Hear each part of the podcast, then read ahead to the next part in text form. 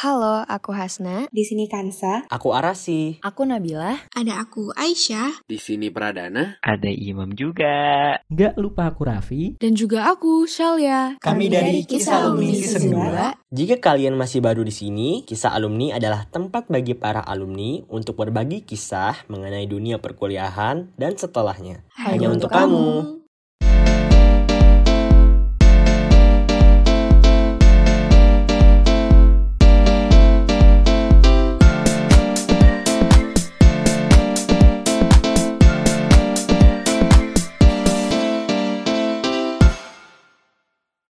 Halo semua, selamat datang di Kisah Alumni, tempat di mana kita semua berbagi tentang alumni. Buat kamu pendengar baru dan pendengar setia Kisah Alumni, aku mau kenalin diri dulu nih. Aku Aurel yang akan nemenin kamu di episode kali ini. Baru-baru ini, ramai kabar soal SNBP, Sistem Penerimaan Mahasiswa yang baru diganti pemerintah. Nah, pembicara kita kali ini lolos SNBP 2023 di jurusan Rekayasa Nanoteknologi. Yuk kita simak kisahnya. Halo Kak Nabil. Halo Amrel. Gimana, Gimana nih kabarnya kabarnya? nih Kak? Waduh, kabar aku baik banget, Alhamdulillah. Gimana, kalau Alhamdulillah. Aurel gimana Aurel? Aku baik-baik juga sih. Masih Wis, ya Alhamdulillah. gitu-gitu aja.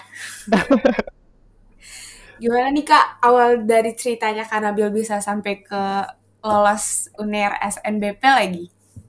Waduh, ini kita ngobrol santai aja kan ya sebelumnya? Iya dong. Oke, jadi jadi gini, waduh, panjang nih kayaknya. Hah? Awalnya itu, eh, aku gimana ya nyebutnya lebih eh, aku menghadapi itu dunia serba baru gitu. Karena kenapa? Kan aku kita nih kita semua kan ngalamin fase di mana naik jenjang ya dari SMP ke SMA. Itu tuh udah pastinya udah baru kan dari lingkungan sosialnya dan sebagainya. Nah, nah di zaman aku juga ada perubahan sistem pembelajaran di mana dari yang offline itu menuju ke online. Nah, pada awalnya sih emang aku tuh ngerasa kayak agak gimana ya, agak ketakutan, ada rasa khawatir lah istilahnya. Gimana ya nanti ke eh, menghadapi dunia di SMA, gimana lingkungan sosialnya, lingkungan sekolahnya, gimana pembelajarannya terutama kan karena Iya. kelas berbeda. Nah, tapi alhamdulillahnya pas aku masuk itu aku ditempatkan di kelas yang cukup suportif dalam pembelajaran, di mana kita aktif dalam pembelajaran. Kalau bertanya itu nggak ada yang malu-malu lah istilahnya. Mau, mau nanya, ya bertanya gitu. Bingung ya nanya. Gitu. Nah, dari situlah aku tuh mulai beradaptasi di lingkungan baru tersebut. Setelah itu, kurang lebih satu tahun setelah itu, aku tuh mulai diajak eh, untuk ikut project sama dengan guru, salah satu guru di SMA aku, di Fikri. Dan salah satu projectnya itu adalah podcast ini yaitu podcast alumni. Di samping itu aku juga ada beberapa mengikuti beberapa lomba seperti APBN itu lomba yang diadakan oleh Kemenko kalau nggak salah tentang anggaran negara dan lain sebagainya yang sebenarnya aku nggak ngerti karena aku jujur kan aku IPA ya nggak ngerti sama sekali. Dan eh, selain itu aku juga ikut KSN bidang fisika. Nah dari kedua lomba itu emang mungkin belum rezeki aku untuk menjadi salah satu juara lah di ajang lomba tersebut. Nah kurang lebih satu tahun setelah itu aku tuh mulai diajak untuk ikut project dengan guru. Yang salah satu projectnya itu adalah podcast ini sendiri atau podcast ini alumni. Ya aku ibaratnya angkatan pertama lah sebelum kalian gitu kan sebenarnya. Nah, nah di samping itu aku juga eh, ikut berpartisipasi di beberapa lomba seperti APBN itu diselenggarakan oleh Kemenku yang sebenarnya aku tuh nggak ngerti materinya gitu kan itu terkait anggaran negara, pemasukan negara, anggaran belanja negara lah gitu. Aku nggak ngerti banget dan aku juga ikut di KSN khususnya bidang fisika.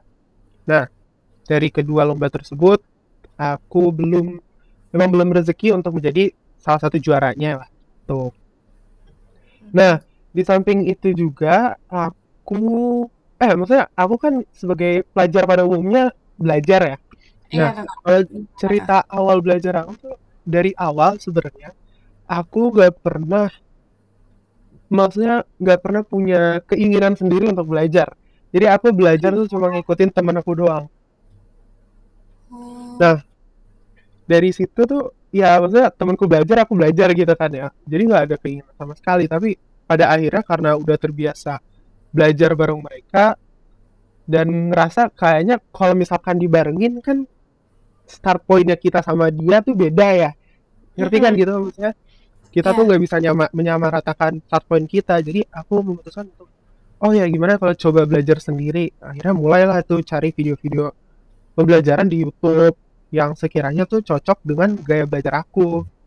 Nah, sampai situ udah deh. Paling eh, dari situ mulai banyak adaptasi karena ada beberapa perubahan sistem pembelajaran di sekolah yang mulai dari full online, hybrid, terus baru offline.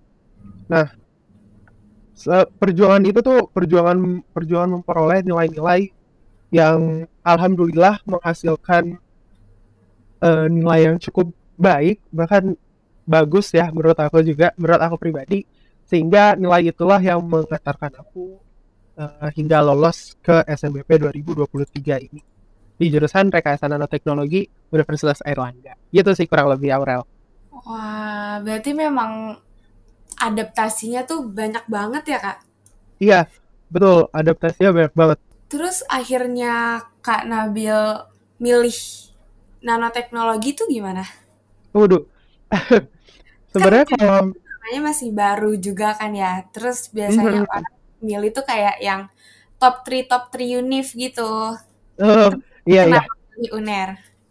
Nah, kalau misalkan eh, perjalanan memilih rekayasa nanoteknologi sendiri ini sebenarnya agak panjang. ini nggak apa-apa nih, agak panjang nih. Jadi Boleh? Awalnya itu eh kan tadi aku bilang ya, aku tuh ngikut temen, ngik- cuma ngikut temanku doang untuk belajar. Nah, Hmm. dalam milih jurusan juga, aku tuh cuma ngikut-ngikut doang. Temanku ini yang jadi teman belajar aku, dia ini pengen masuk teknik elektro ITB. Nah, aku kayak, wah, menarik juga nih. Dan aku juga di kayak di sogok-sogokin lah istilahnya, kayak dijabarin bagusnya teknik elektro tuh gimana, ITB tuh gimana sama dia gitu. Oh, akhirnya aku juga tertarik. Waktu itu emang belum ada gambaran lah itu ke dunia perkuliahan tuh gimana. Nah, eh, beberapa waktu kemudian aku tuh merasa kayak ada yang ganjal gitu, ada impian kecil, asik. Ada impian kecil yang pengen aku realisasikan yaitu pengen eh, menyem- nyemplung di dunia kesehatan yaitu kedokteran. Oh. sempat kepikiran untuk masuk jurusan kedokteran, apalagi kedokteran yang bagus ya kedokteran UI. Nah Mm-mm. itu Itu kayak mimpi banyak orang banget. ya itu jelas mimpi semua orang sih kata. Nah, itu tentunya jelas mimpi anak IPA banget kan. Tapi Iya. nah tapi di perjalanan milih jurusan kedokteran itu, aku tuh ngeliat posan di TikTok be- eh, tentang susahnya jadi mahasiswa kedokteran. Mulai Oh. dari materinya mulai dari waktunya mulai dari apalagi itu biayanya. Ya aku aku sendiri kayak ke doktrin gitu loh. Ke oh kedokteran tuh susah kedokteran tuh susah. Akhirnya aku kayak wah jangan jangan kedokteran deh. Hold dulu hold dulu. Akhirnya nyari alternatif yang lainnya. Nah aku mikir ada nggak sih jurusan yang eh, menggabungkan teknologi dengan dunia kesehatan. Nah, Hmm. belum belum nyampe ke nanoteknologi nih. Aku ngeliat itu tuh di teknik biomedis. Nah, emang niat awal aku itu pengen masuk teknik biomedis ITB, yaitu yang termasuk ke dalam fakultas STI R atau STI Rekayasa kan ya di ITB. Nah, akhirnya ya aku konsul ya sebagai eh, kelas waktu itu masih kelas 11 masih konsul sama guru BK juga. Dan gimana nih Bu? Stay air oh iya nggak apa-apa bagus. Maksudnya itu udah bagus lah. Udah yang bagus. Tapi tolong cari alternatif lainnya. Kamu mau jurusan keduanya eh mau alternatif lainnya tuh ke mana? Nah dari situlah mulai aku melihat ada ketertarikan lah dari situ ke nanoteknologi kurang lebih itu sih. Oh, jadi dari yang awalnya tertarik ke teknik, terus mundur ke dokteran, akhirnya ambil Iya. jalan tengahnya ya, Kak? betul betul banget. Dan aku juga ngelihat eh, apa ya prospek teknologi dan kesehatan juga sih di nanoteknologi. Jadi ya win-win solution lah. Nggak nyesel nggak jadi milih teknik biomedis nggak nyesel juga milih nanoteknologi gitu. Berarti kalau gitu jurusan rekayasa nanoteknologi itu belajar apa aja sih, Kak? Sama prospeknya gimana tuh? Eh, kalau misalkan ngomongin tentang nanoteknologi ya, rekayasa nanoteknologi sendiri itu sebenarnya se- singkatnya, singkatnya itu mempelajari tentang eh, materi-materi yang berukuran nano atau yang sangat kecil, karena nano sendiri itu kan ukuran ya. Nah, eh, materi-materi tersebut yang udah dihasilkan itu nanti bisa dimanipulasi atau dibuat-buat lah, istilahnya dibuat-buat agar menciptakan benda-benda baru yang sesuai dengan keinginan kita. Nah, it- itu sih kurang lebih yang kita pelajarin gitu. Nah, kalau dari prospek kerjanya sendiri, eh, aku mengutip dari laman Unairnya langsung. Jadi Mhm. ada kurang lebih itu ada lima, tapi aku mungkin ngutip tiga aja yang menurut aku eh, yang biasanya orang minat ke situ sih. Jadi yang pertama itu ada peneliti, dia bisa kamu bisa jadi peneliti di laboratorium universitas, bisa bisa di lembaga riset tertentu atau di eh, institusi riset dan pengembangan atau R&D gitu. Nah, selanjutnya yang kedua itu ada entrepreneur. Di aku juga sempat melihat mata kuliahnya eh, rekayasa teknologi itu juga kita belajar tentang bisnis semacam bisnis gitulah terkait reka nanoteknologinya itu. Nah, kemudian yang ketiga itu ada akademisi yang tentunya untuk melanjutkan jenjang pendidikan ke jenjang lebih tinggi. Gitu sih, Aurel. Oh, kalau Kak Nabil sendiri kira-kira minatnya ke mana tuh? Lanjutin. Waduh, Misalnya lanjut kita. terus amin, amin ya, amin. Ya, ya. Aku aku pengennya tuh lanjutin eh, ke magister dulu, Oh tapi iya. im- cita-citaku itu pengen jadi peneliti. Peneliti di ya kalau nggak di laboratorium universitas atau minimal di laboratorium universitas. Pengennya tuh di lembaga riset tertentu. Kan ada tuh BRIN ya kalau nggak salah di Indonesia tuh, yang lembaga riset terkenal. Kurang lebih itu sih. Wah, emang udah dipersiapin gitu ya, Kak? Ada ada jalannya gitu ya? Ya amin, amin. Alhamdulillah.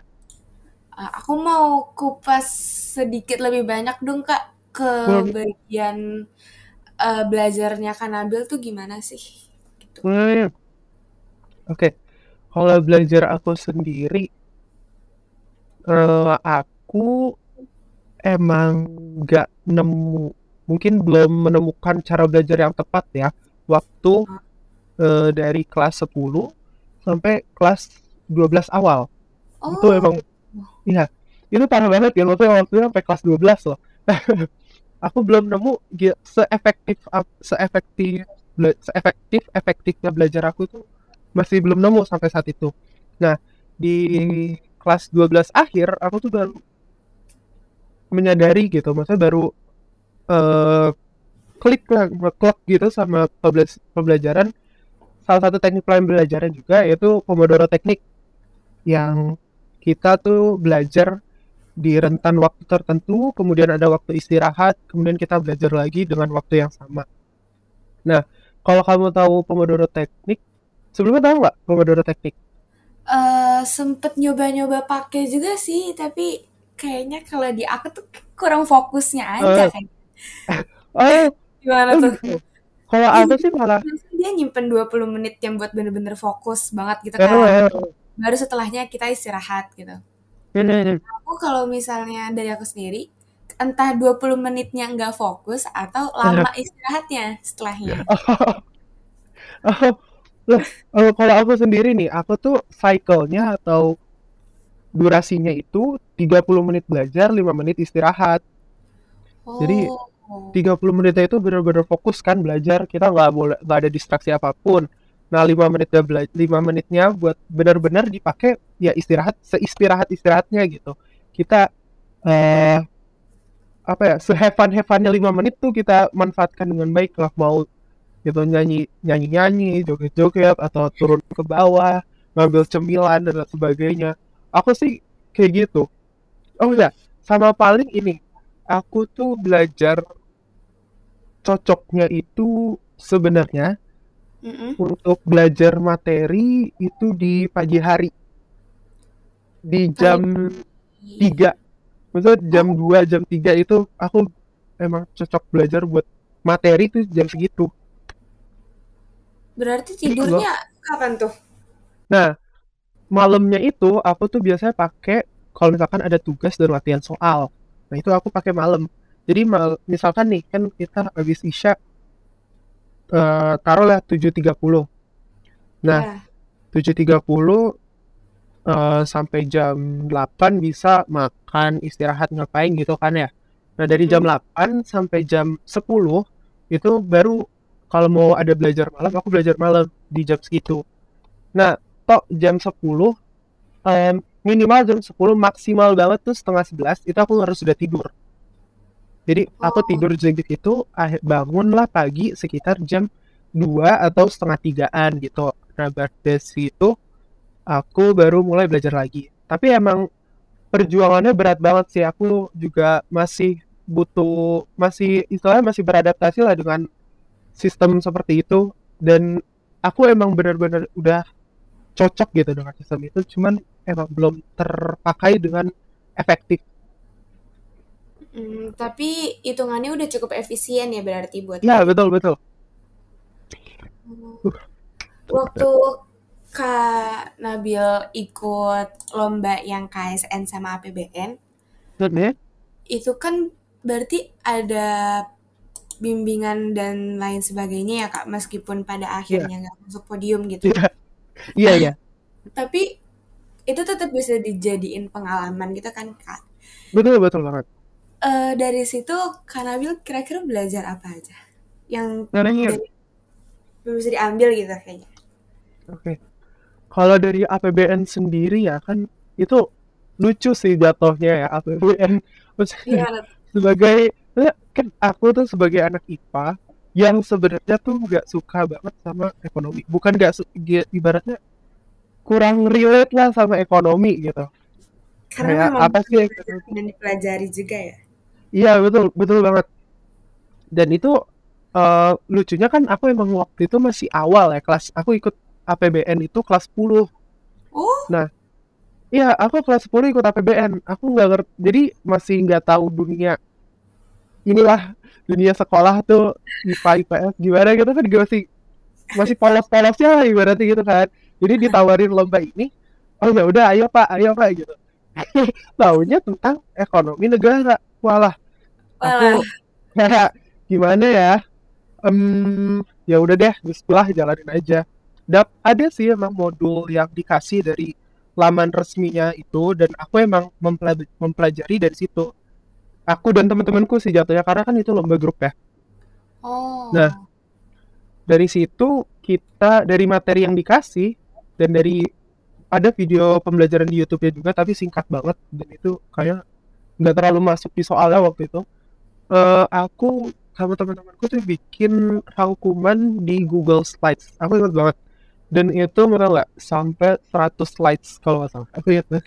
100 Ya benar, itu sampai 100 slide rangkuman dan itu isinya karena emang modulnya tuh tebal-tebal. Ada berapa modul nggak? 12 apa berapa? Walaupun ebook ya, masa kan kelihatan tuh halamannya ada berapa halaman. ya. Nah itu kita ngerangkumin aja sampai 100 slide dan itu perjuangan banget. Kita- sampai begadang. Well, itu emang pengalaman paling lucu sih di APBN. Dan ya emang pada akhirnya jelas lah ya karena aku nggak minat dan aku mungkin iya. effortnya kurang juga akhirnya emang gak lolos ke babak selanjutnya. Tapi Nah. seenggaknya belajar materi baru ya. nah itu benar. Walaupun materi aku sendiri gak suka. Nah kalau misalkan hal yang bisa dipelajari dari APB lomba APBN itu sendiri sih ya lebih ke ini ya mengingatkanku untuk sadar diri gitu sadar akan kemampuan dan minat bakat. Jadi ya mungkin emang bakatku bukan di sini dan passionku bukan di situ gitu jadi ya udahlah dipinggirin aja dulu tahun depan kalau misalkan ada yang nawarin ya jangan jangan diambil lagi gitu kita udah tahu walaupun udah tahu gimana link apa ya cakupan lombanya tapi kan emang namanya nggak cocok ya jangan diterusin lagi gitu kan ya Oh, iya Nah. benar. kalau di lomba yang satunya yang KSN fisika ini ini jatuhnya lebih keseru sih emang kita eh, Juga nih, karena cocok yang ini.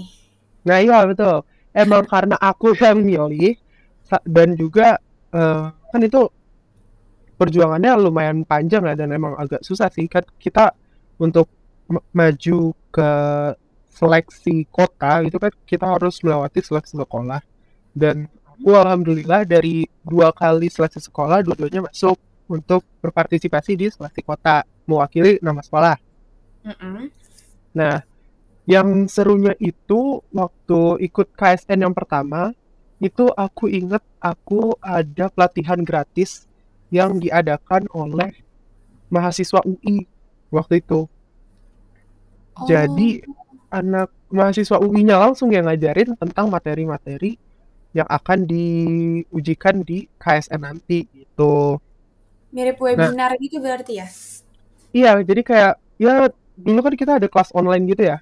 Nah ini kelas online, kelas online gratis dari di anak eh, dari mahasiswa mahasiswa UI gitu. Nah di tahun kedua, di tahun keduanya itu aku eh, kebetulan gak ada pelatihan yang sama di tahun sebelumnya. Cuman serunya karena udah mulai offline, jadi aku bisa bertukar ide dan pikiran gitu mengerjakan soal udah secara langsung bersama teman-teman yang satu ibaratnya satu kompetisi lah gitu kan ya. Jadi kayak eh ini tuh gimana ya? Dan itu diskusi soalnya tuh bisa dari asar sampai maghrib itu baru selesai tiga dua atau tiga soal. itu dari asar itu saking susahnya bener. Saking susahnya sampai cuma dua tiga soal doang dari asar maghrib. Dan ya walaupun emang kita akhirnya aku dan teman-temanku juga yang satu per, seperjuangan lah pas KSN itu belum ada belum berkesempatan untuk lolos ke nasional tapi ya itu tentu menjadi pengalaman yang sangat menyenangkan dan seru sih. Gitu. Iya. Lagian udah semua perjuangan kan ambil pada akhirnya ujungnya indah juga ya kak. alhamdulillah Alhamdulillah. Udah capek-capeknya kemarin-kemarin pulang malam segala macam. waduh Terus berarti sekarang udah bisa istirahat ya kak? alhamdulillah benar banget aku udah bisa istirahat sekarang Berarti sekarang Kanabil nih selama nunggu kuliahnya mulai nanti ya lagi sibuk ngapain? Waduh Ada nggak sih persiapan khusus buat nanti masuk Eh, maba-mabaan gitu? Waduh, maba-mabaan banget nih. Aku, uh, sebenarnya pertanyaan ini kayak pertanyaan sehari-hari ya. Teman-temanku juga pada nanya kayak, Nabil lu, lu ngapain aja sih setiap hari gitu ya. ya sebenarnya nggak ngapa-ngapain aja, nggak ngapa-ngapain gitu. Aku emang pengen lagi pengen istirahat aja. Ya habis perjuangan yang, ya bisa dibilang perjuangan yang cukup panjang dan melelahkan gitu bagi aku pribadi ya kan. Dan aku ibaratnya eh, memberikan self reward untuk istirahat yang cukup dan berkualitas gitu sih. Cukup dan berkualitas. bayar istirahat gitu ya kak? ya betul. Sebelum nanti masuk lagi ke badai yang lebih besar gitu kan istilahnya. Karena kita mempersiapkan ya dari segi mental fisik mungkin finansial dan lain sebagainya untuk ke depannya juga kan. Mm-mm. yang lagi aku fokusin sekarang sih emang untuk eh, mengistirahatkan mental ya menyiapkan mental juga buat ke depannya. Dan kalau persiapan khusus untuk uh, kuliah nanti, sebenarnya uh, nggak belum ada ya kayaknya belum ada bukannya nggak ada cuman belum ada. Karena sejauh ini juga masih di tahap registrasi masih di tahap verifikasi dan lain sebagainya sih. Jadi emang belum ada persiapan khusus untuk uh, istilahnya menjalani jenjang berikutnya gitu. Emang baiknya sih break dulu ya? Ya betul. Kalau nggak gitu nggak napas-napas kak. Betul banget lagi. Ya Allah. Saking jarang napas sampai lupa cara napas. Waduh jangan dong jangan dong jangan jangan kalau SNBP itu kan berarti perjuangan belum dari semester 1 sampai semester 5 kan ya? Mm, betul. Sepanjang SMA itu kan Nabil pernah ke distrak gak sih? Wah, pernah banget dong apalagi kan aku zamannya tuh online ya iya Jadi, distraksi terbesarnya itu pasti handphone mm. dan di handphone itu ada yang namanya sosial media terutama TikTok dan Instagram dan itu tuh dua yang paling mendistraksi dan bahkan bukan aku doang ya kayak hampir aku nggak mikir ham, bukan ya hampir semua pelajar di sini juga mungkin merasakan hal yang sama gitu terdistraksi dengan sosial sosial media yang ada gitu. Gimana tuh kak cara akhirnya yang nggak hanya terdistrak di situ? Hmm, kalau aku pribadi uh, di kelas 11 semester 2 kalau nggak salah apa semester 1 ya di se pokoknya sebelum ujian akhir semester kalau nggak salah aku itu memutuskan untuk menghapus TikTok dan Instagram dan oh. itu aku aku lumayan lama tuh ngapusnya. Jadi TikTok sama Instagram itu dihapus dari kelas 11 sampai eh, kelas 11 kayak kelas 11 semester 1 berarti akhir kelas 11 semester 1 sampai kelas 12 awal deh ini kan itu lumayan panjang tuh bener nggak ada download gitu enggak bener-bener nggak ada download jadi kalau misalkan mau itu ya cuma seperlunya aja gitu maksudnya uh, bisa di web kan kalau Instagram tuh. Oh iya sih. TikTok emang TikTok nggak nggak sama sekali. Kalau Instagram karena waktu ada beberapa event yang butuh Instagram dan sebagainya kan uh, dari web bisa akhirnya di Instagram web sih. Nah tapi di kelas 12 awal tuh kan mulai ngerasa eh pengen download TikTok lagi nih, pengen download Instagram lagi gitu kan ya. Mm -mm. Nah akhirnya uh, aku memutuskan untuk mendownload lagi tapi aku pakai app timer aplikasi timer gitu jadi aku ngebatasin penggunaan TikTok dan Instagram itu kalau nggak salah cuma ya sekitar 30 menit per hari gitu jadi emang benar-benar dibatasin banget dan aku ya sebenarnya sebagai terapi untuk agar kalau misalkan aku download dan gak pakai app timer lagi yang nggak terlalu ter, ter apa ya ter candu dengan nge-scroll scroll sosial media tersebut sih gitu. Hmm, tapi emang distract banget sih sosial media tuh. Ya kan, bener kan? Ya, yang gak ada habisnya. Ada notif langsung mencet. iya, aduh. Nah, biasa lah. Boleh dong kak bagi-bagi tips sama reminder yang lain juga. Aku yakin banget nih yang ngerasa kayak gitu bukan cuma aku sama Kak Nabil doang. Mungkin selain Aduh. yang bagian distrak juga ya, bagian belajar dan lain-lain sebagainya juga. Uh, sebenarnya kalau tipsnya tuh tadi kan aku udah share dengan cara belajar aku yang terkait Pomodoro teknik dan jam belajar aku. Mungkin itu uh, tips aku sih itu. Dan lebih ini sih ke yang pertama tuh mengenal mengenal diri sendiri itu penting banget menurut aku. Karena dengan kita mengenal diri kan kita bisa tahu nih apa kelemahan dan kelebihan kita.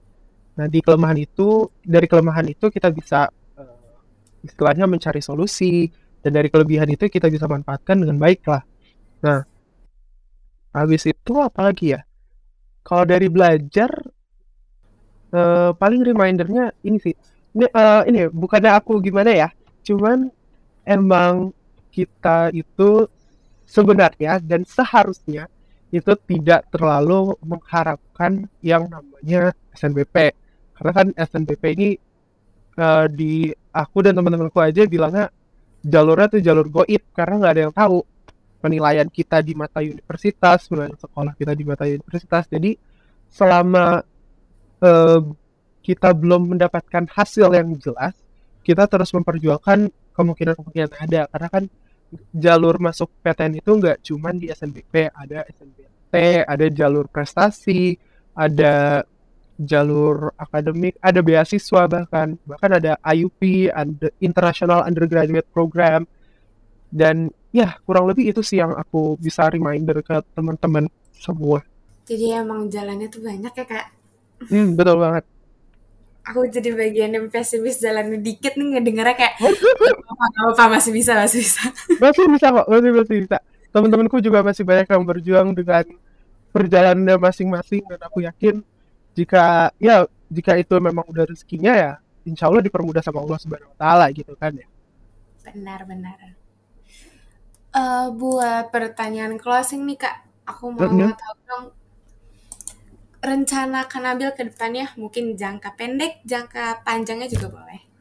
Um, kalau rencana aku pribadi sih, di jangka pendeknya aku pengen uh, nanti kalau ada kesempatan buat nanya ke kating-kating, aku pengen nanya terkait materi perkuliahan awal sih, biar aku tuh nanti di awal nggak istilahnya nggak pelang-pelang doang gitu, wah kaget materinya ini. Seenggaknya udah beberapa materi udah aku uh, pelajari atau enggak seenggaknya lihat-lihat dulu deh. Oh ini tuh materi bakal kayak gini materi kayak gini. Nah kalau di jangka panjangnya sih aku ini sih lebih keharapan ya. Aku aku pribadi tuh berharap bisa berkontribusi dalam perlombaan di nanti jenjang pendidikan tinggi atau perkuliahan sehingga ada istilah aku punya prestasi uh, membalaskan dendam di SMA yang nggak sempat nggak sempat juara gitu kan ya. Nah yeah. nah tapi aku pengennya juga berkompetisi tuh di kompetisi yang uh, berbau-bau karya ilmiah penelitian gitu sih dan aku juga ke depannya nanti berharap bisa dapat project juga dengan dosen-dosen di sana sehingga bisa menambah selain menambah ilmu aku juga bisa menambah relasi yang insya Allah mempermudah untuk melanjutkan pendidikan lanjut ya gitu. Amin, amin. Aku dan pendengar-pendengar yang lainnya ikut bantu doa dan bantu amin. Karena amin, terima kasih banyak. semuanya terdengar baik juga kak. Jadi gak ada salahnya buat sama-sama diaminin. Betul. Uh, semoga bisa tercapai semuanya dan dimudahkan buat mencapainya ya kak. Amin, amin, ya amin. Karena bukan berarti udah lolos SNBP ini kayak udahlah, udah gitu. Enggak dong, Kak? Betul. Enggak Masih ada perjalanan yang menanti. Ya, Mungkin hanya first step gitu istilahnya. Buat pertanyaan terakhir banget nih, Kak. Aku mau tahu kesan dan pesannya dong selama recording kali ini. Mungkin Waduh, kalau kesannya sih aku apa ya pertama tuh nervous. Aku sempat kayak gugup waduh gimana nih nanti aku jawabnya bisa apa enggak ya? Tuh aku uh, bakal AE AE gitu banyak gak ya? Tapi ya alhamdulillah berkat Aurel juga yang membawa aku menjadi suasana itu menjadi lebih relax jadi kita bisa santai gitu santai berbicara dan ya ini pengalaman yang menyenangkan sih karena kalau fun fact ini adalah pertama kalinya aku jadi pembicara gitu. jadi sebelumnya tuh gak pernah di interview atau dijadikan pembicara yang eksklusif kayak gini jadi wah what a moment gitu. What a moment. aku di sini juga seneng banget karena Kanabil udah luangin waktunya dan udah cerita banyak dari A to Z buat Bos. aku dan pendengar-pendengar juga. Makasih banyak kan Abil. Terima kasih banyak kembali Aurel. Gak kerasa nih kita udah ada di ujung episodenya. Makasih buat Kanabil. Makasih buat semua pendengar yang udah dengerin. Semoga episode kali ini bisa membantu dan menginspirasi kalian. Apalagi buat yang tertarik buat masuk jurusan Rekayasa Nanoteknologi. Jangan lupa buat follow akun sosial media Kisah Alumni di Instagram, Twitter, dan TikTok, yaitu @kisahalumni. Biar kalian gak ketinggalan update dan info berguna lainnya. Tunggu episode kita selanjutnya cuma di Kisah Alumni. Bye-bye!